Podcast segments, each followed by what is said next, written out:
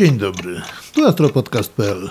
Przy mikrofonie Jerzy Bohusz i miło mi jest powitać Was w 58. odcinku naszego podcastu na temat amatorskiej astronomii obserwacyjnej.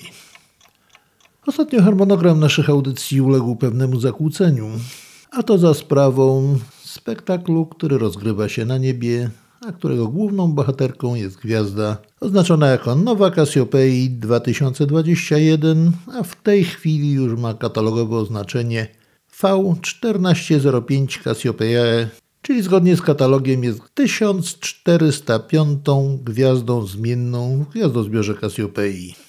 Zacznijmy może od tego, czym są gwiazdy zmienne.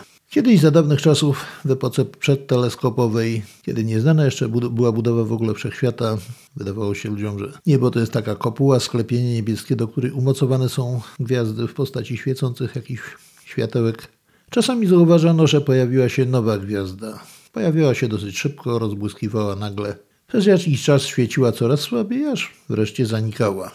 Oczywiście były obserwowane tylko te gwiazdy, które dały się zauważyć gołym okiem, czyli stosunkowo jasne, jaśniejsze od jakichś na pewno od 6, a nawet 5 magnitudo. Czasami zdarzały się nawet nowe i to nie tak dawno, wielkości drugiej, a nawet pierwszej. Ale cały czas tylko widziano pojawienie się gwiazdy i potem stopniowy jej zanik. Nigdy żadna nowa na trwałe nie zagościła na naszym niebie. W miarę rozwoju astronomii, a zwłaszcza po wynalezieniu teleskopu, stało się możliwe odkrywanie coraz słabszych nowych poniżej szóstej wielkości gwiazdowej, nawet niewidocznych gołym okiem, ale za to dobrze widocznych przez teleskop. Oczywiście trzeba było mieć dobre mapy nieba do tego, dobry wzrok i dobrą orientację na niebie. Oczywiście wtedy jeszcze nie rozróżniano między gwiazdami nowymi a supernowymi, bo to są, chociaż to są dwa różne zjawiska. Supernowe są dużo jaśniejsze. Najczęściej, jeżeli wybuchały w naszej galaktyce, to pozagalaktycznych oczywiście wtedy jeszcze nie było mowy, były poza zasięgiem obserwacji. W każdym razie wszystko to, co się pojawiło jako gwiazda na jakiś czas na niebie, określane było jako nowa. Ich natura była absolutnie nieznana, nie wiedziano o co chodzi. Dopiero nieco światła na zjawisko nowych rzuciło badanie fotograficzne. Odkąd Rudolf Wolf w Zurichu wprowadził fotografię do badań astronomicznych, okazało się, że można było odkrywać również gwiazdy nowe na drodze fotograficznej po prostu przez porównanie jednej fotografii i za jakiś czas zrobionej innej fotografii, na której ukazywał się nowy obiekt w postaci gwiazdy nowej. Okazało się wtedy, oczywiście nie zawsze to było możliwe do stwierdzenia tak bezpośrednio, bo to są dosyć trudne badania, trudne obserwacje, że ta gwiazda, zanim rozbłysła tak jasno, była widoczna najczęściej jako słabiutka gwiazda, gwiazdka, a po zakończeniu zjawiska rozbłysku powracała przeważnie do swojej pierwotnej jasności. To już był punkt wyjścia do określenia natury gwiazdy nowej. Czym zatem tak naprawdę jest gwiazda nowa? Zacznijmy może od tego, że wszystkie gwiazdy w ciągu swego istnienia, w ciągu swego życia ewoluują. Od momentu, kiedy powstają z mgławicy pyłowo-gazowej, osiągają ciąg główny, czyli już postać taką dojrzałą gwiazdy, na której bywają dłużej lub krócej, zależnie od masy, częściowo także od składu chemicznego, chociaż to już mniej zależne jest. Potem przechodzą najczęściej przez stadium czerwonego olbrzyma i kończą, zwłaszcza gwiazdy takie o masie porównywalnej z masą Słońca, poniżej 1,44 masy Słońca najczęściej, kończą swoją ewolucję w postaci tak zwanego białego karła, Cóż to takiego jest ten biały karzeł? Bo to się okaże istotne. Otóż jest to pozostałość po tym, czym była gwiazda. Gwiazda istnieje dzięki równowadze dwóch sił. Ciśnienia wywołanego temperaturą powodowaną przez reakcje termojądrowe, które usiłują ją rozepchnąć na zewnątrz i grawitacji, która ściąga tą gwiazdę do środka, całą tą masę gazu, głównie wodoru, i w tej równowadze przebywa. Pod koniec, kiedy już się tam zaczynają te reakcje komplikować, wypalać się zaczyna wodór, właśnie następuje kres ewolucji. Gwiazda przechodzi przez stadium olbrzyma, odrzuca otoczkę i pozostaje z niej biały karzeł. Co to takiego jest? Otóż kiedy ustają reakcje termojądrowe, oczywiście temperatura jest olbrzymia, natomiast ciśnienia już nie ma. Oczywiście ciśnienie pewne jest, ale już mniejsze. I grawitacja ściąga to wszystko do małego obszaru wielkości kuli ziemskiej, czyli obiekt wielkości naszego Słońca, zostaje jak gdyby sprężony do rozmiarów kuli ziemskiej. Oczywiście, jak powierzchnia tego obiektu osiąga bardzo wysoką temperaturę, ale wewnątrz niego to już jest tak zwany gaz, gaz zdegenerowany, Wewnątrz niego już nie zachodzą żadne reakcje termojądrowe. Jest to po prostu kula materii takiej, która sobie pomalutku stygnie. Mimo, że taki biały karzeł jest wielkości naszej Ziemi, jest widoczny z dużej odległości, ponieważ ze względu na bardzo wysoką temperaturę jest bardzo jasny. Oczywiście cały czas wypromieniowuje energię w przestrzeń kosmiczną i stygnie po prostu. Po pewnym bardzo długim czasie jego temperatura spadnie na tyle, że przestanie być widoczny i stanie się po prostu tak zwanym czarnym karłem. Tu od razu uwaga, proszę nie mylić tych dwóch pojęć czarny karzeł i czarna dziura, bo to są zupełnie dwie różne rzeczy. I tak sobie spokojnie ewoluuje gwiazda pojedyncza wielkości powiedzmy sobie naszego Słońca albo masie porównywalnej. Natomiast gwiazda nowa, a ściślej to co stworzy gwiazdę nową, jest to układ podwójny gwiazd. Bardzo ciasny układ podwójny składający się z gwiazdy ciągu głównego i białego karła, które bardzo blisko siebie obiegają bardzo szybko, bo to już czas obiegu jest liczony nie tyle w dniach, ile w godzinach. I tutaj ewolucja tych gwiazd podwójnych, niezależnie czy to będzie biały karzeł, czy dwie gwiazdy, przebiega zupełnie inaczej, im bardzo szybko. Dlaczego? Dlatego, że między tymi dwoma składnikami tego ciasnego układu podwójnego zachodzi wymiana masy.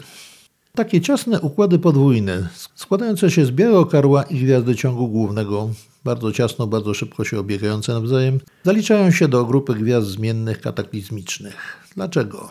Mówiąc w dalszym ciągu nie tyle naukowo, ile obrazowo, żeby uprościć obraz sytuacji, bo to jest wszystko dosyć skomplikowane, ale dzieją się tam ciekawe rzeczy. Jak choćby na przykład to, że biały karzeł, który jest maleńką gwiazdą, ale ta cała jego masa skupiona jest prawie że w jednym punkcie nieomalże, bo wielkości Ziemi w porównaniu do innej gwiazdy wielkości Słońca to jest znikoma wielkość, ale masę ma porównywalną z masą Słońca, czyli olbrzymią. Ciśnioną w malutkim punkcie daje olbrzymie pole grawitacyjne. I tenże biały karzeł po prostu kradnie materię od gwiazdy ciągu głównego. Oczywiście takim wąskim strumieniem materia spływa z gwiazdy na białego karła, ale nie spada bezpośrednio na niego, ponieważ też oba obiekty bardzo szybko się obiegają nawzajem, więc zanim spadnie na białego karła, obiega go naokoło, tworząc cienki, płaski, tak zwany dysk akrecyjny. I to dopiero z tego dysku następuje akrecja, czyli opadanie materii na powierzchnię białego karła. Dzieje się to dosyć długotrwale, ten dysk się bardzo rozgrzewa i tak dalej, tak dalej. W każdym razie masa białego karła które kradnie materię od gwiazdy głównej, wzrasta, bo z tego dysku materia cały czas w sposób ciągły opada na niego. Oczywiście w miarę wzrostu masy wzrasta również ciśnienie na powierzchni tego białego karła i wzrasta jego temperatura.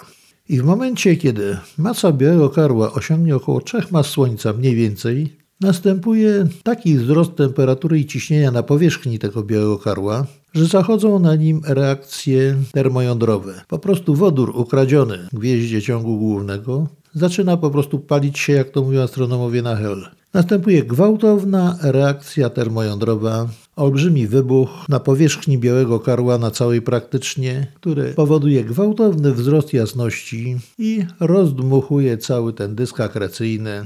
Następuje pojaśnienie i to bardzo znaczne. Wiele, wiele tysięcy razy taka gwiazda jaśnieje.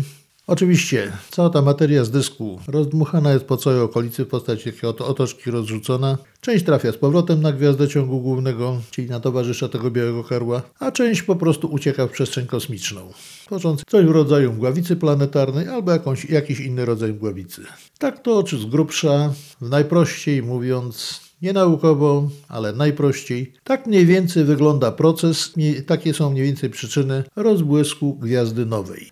Oczywiście, biały karzeł odrzuca ten nadmiar materii, który ukradł, ale grawitacja jego pozostaje nadal taka sama. Więc znowu zaczyna podkradać materię z gwiazdy ciągu głównego i proces zaczyna się powtarzać. Ta powtórka może trwać kilkadziesiąt lat, kilkaset lat, kilka tysięcy lat. Różnie to bywa, w zależności od wielu, wielu drobnych niuansów, różnych czynników i parametrów obu gwiazd. W każdym razie, jak wiadomo z obserwacji, niektóre gwiazdy nowe pojawiają się, chociażby jak te korony północnej, pojawiają się co kilkadziesiąt lat. Już niedługo też powinna rozbłysnąć, ale jak na razie jeszcze cały czas trzyma około 10 magnitudo i nie zamierza wybuchnąć. Poczekamy, zobaczymy. Wróćmy zatem do naszej bohaterki, czyli nowej Cassiopeii 2021 albo V1405 Cassiopeii. Otóż odkrył ją Japończyk Yuji Nakamura 18 marca 2021 roku około godziny 10.00 UTC, czyli u nas w warunkach za dnia, w Japonii wtedy w nocy oczywiście była. Odkrycia dokonał drogą fotograficzną, już wspomniałem wcześniej, jak za czasów doktora Wolfa, i po prostu wykonał wcześniej 4 dni zdjęcie tego samego obszaru i potem 18 marca również wykonał zdjęcie tego samego obszaru i na nim zauważył nowy obiekt. W momencie odkrycia gwiazda miała 9,6 magnitudo, czyli była dosyć słaba. Oczywiście powiadomił o swoim odkryciu całą społeczność astronomiczną, Centralne Biuro Telegramów Astronomicznych i dalej obserwował, a w międzyczasie, co spowodowało oczywiście, że dużo profesjonalnych astronomów również zaczęło obserwować tą gwiazdę, zaczęto zdejmować jej widmo, bo to jest najciekawsze, najwięcej można się z widma dowiedzieć i z jego zmian na temat tego, co dzieje się w gwieździe. A w międzyczasie, w ciągu praktycznie jednej nocy, gwiazda pojaśniła z 9,6 magnitudo do 7,4 magnitudo, czyli nadal była jeszcze poza zasięgiem gołego oka. Następnie przez pierwsze 10 dni Gwiazda zaczęła nieznacznie słabnąć, wykazując bardzo niewielkie fluktuacje jasności i jej jasność spadła do około 8,2 magnitudo. Niewiele, ale wszystko działo się zgodnie z prawidłem. Z reguły nowa bardzo szybko rozbłyskuje, a potem jej jasność stopniowo spada. Zależy od tego, jaka była jasna, od rodzaju gwiazdy. Trwa to kilka tygodni, czasami nawet kilka miesięcy, ale najczęściej po tym mniej więcej czasie po prostu przestaje być widoczna gołym okiem i osiąga swoją jasność pierwotną, taką jaką miała gwiazda prenowa. Czyli nic nie wskazywało na to, że zaczną się dziać jakieś dziwne rzeczy. Jednak po 10 dniach jasność zatrzymała się. Praktycznie była stała, wahając się około 8 magnitudo, tak naprawdę między 8 a 8,2 magnitudo. Ani nie chciała specjalnie iść w górę, ani specjalnie w dół.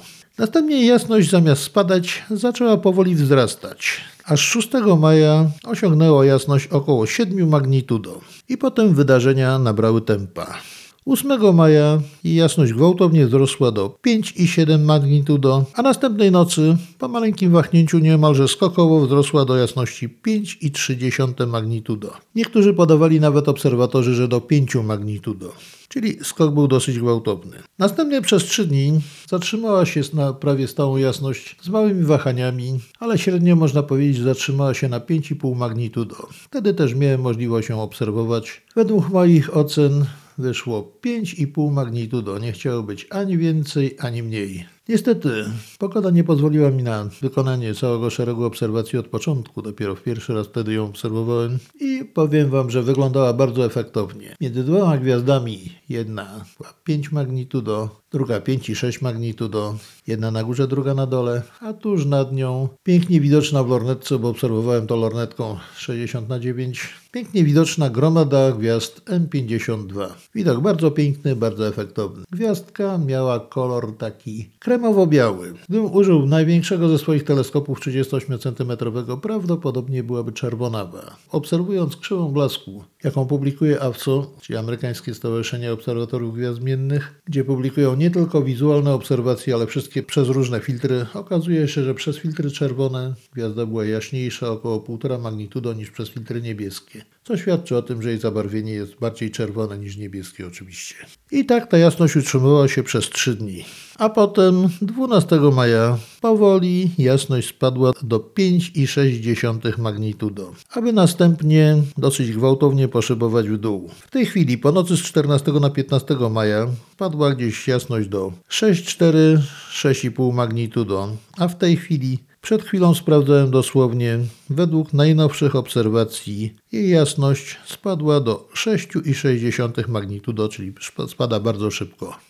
I teraz pytanie, dlaczego tak się dzieje? Co tam się dzieje? To tak naprawdę nie wiadomo. W sumie gwiazda pojaśniała od momentu prenowej aż do maksimum tej jasności około 10 tysięcy razy. To jest normalne wśród gwiazd nowych i tutaj wszystko jest bardzo dobrze. I tutaj wszystko dzieje się normalnie, ale nagle w ciągu praktycznie jednej nocy ta gwiazda pojaśniała praktycznie około dziesięciokrotnie, czyli dosyć znaczny wzrost jasności. Zresztą bardzo ładnie widoczny zarówno na zdjęciach, jak i ci, co obserwowali wizualnie, tak samo potwierdzają to. Dlaczego tak się dzieje?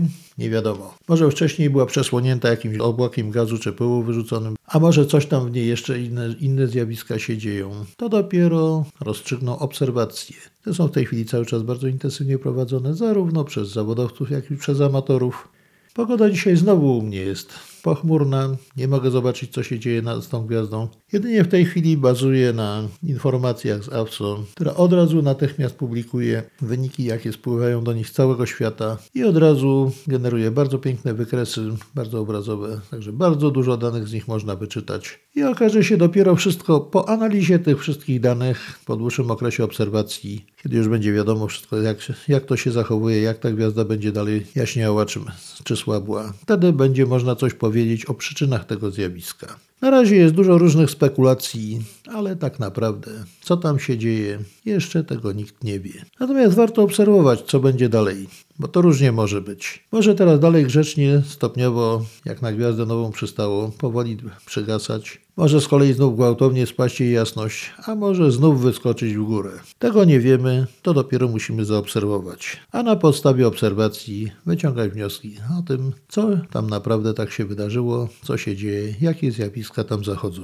I oczywiście cały czas monitoruję zmiany jej blasku, jeżeli nie mogę na drodze obserwacji osobistych ze względu na pogodę, to przynajmniej analizując to, co napływa do APSO, to, co oni publikują, a mają informacje dobre, sprawdzone i rzetelne. Także na podstawie tego można powiedzieć, co się z daną gwiazdą dzieje. A jednocześnie ta obserwacja gwiazdy zmiennej to jest właśnie mój powrót do obserwacji gwiazd zmiennych. Swego czasu nawet sporo ich obserwowałem, a potem miałem dosyć długą przerwę w obserwacjach z różnych względów, a teraz oprócz komet także zamierzam podjąć w dalszym ciągu właśnie obserwacje gwiazd zmiennych. Naprawdę to są bardzo ciekawe zjawiska. Typów gwiazd zmiennych jest tak wiele, że zawsze coś się dzieje. No i w przeciwieństwie do komet, które pojawiają się i znikają na niebie, czasami długo nic ciekawego nie ma, nic się nie dzieje. Gwiazdy zmienne są zawsze na niebie. Czasami sezonowo się pojawiają, czasami są okołobiegunowe, można cały rok obserwować. I zawsze tam coś się dzieje i zawsze można coś zaobserwować. I powiem Wam jedno, to bardzo wciąga. Jeżeli macie możliwość, obserwujcie tą gwiazdę,